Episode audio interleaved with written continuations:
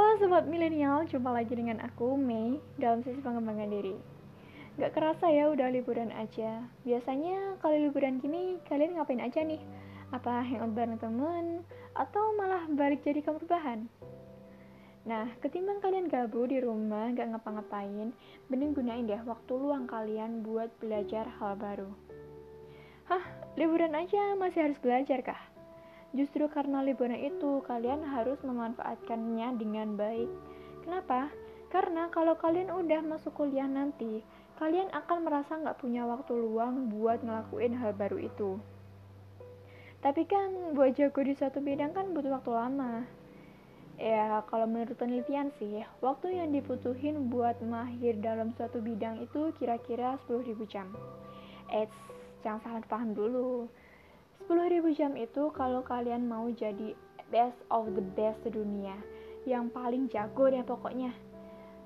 Tapi aku nggak yakin tiap orang mau menghabiskan waktu sebanyak itu buat menjadi seorang ahli. Makanya aku bikin podcast ini buat mengubah pemikiran kalian.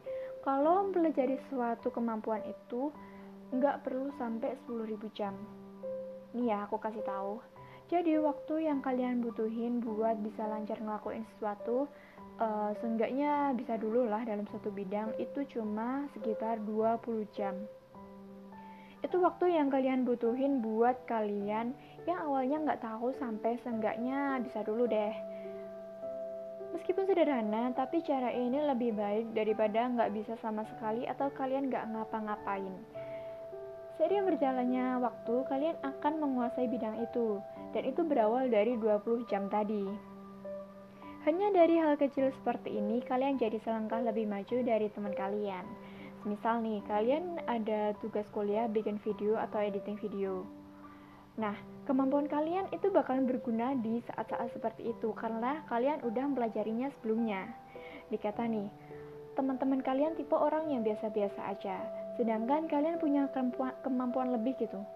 Secara nggak langsung kan kalian punya nilai plus kan? Selain itu di saat kalian melamar pekerjaan nanti kalian bisa kok masukin kemampuan itu ke CV kalian. Perusahaan pasti ada orang yang punya kemampuan lebih dong. Nah ini juga bisa menjadi nilai tambahan buat kalian dan meningkatkan kemungkinan kalian diterima di perusahaan itu. Jadi ketimbang liburan kalian cuma buat rebahan, guling-gulingan di kasur, kayak udah ditemuin, mending kalian sempetin waktu kalian buat nambah kemampuan kalian atau skill kalian. Oke? Okay?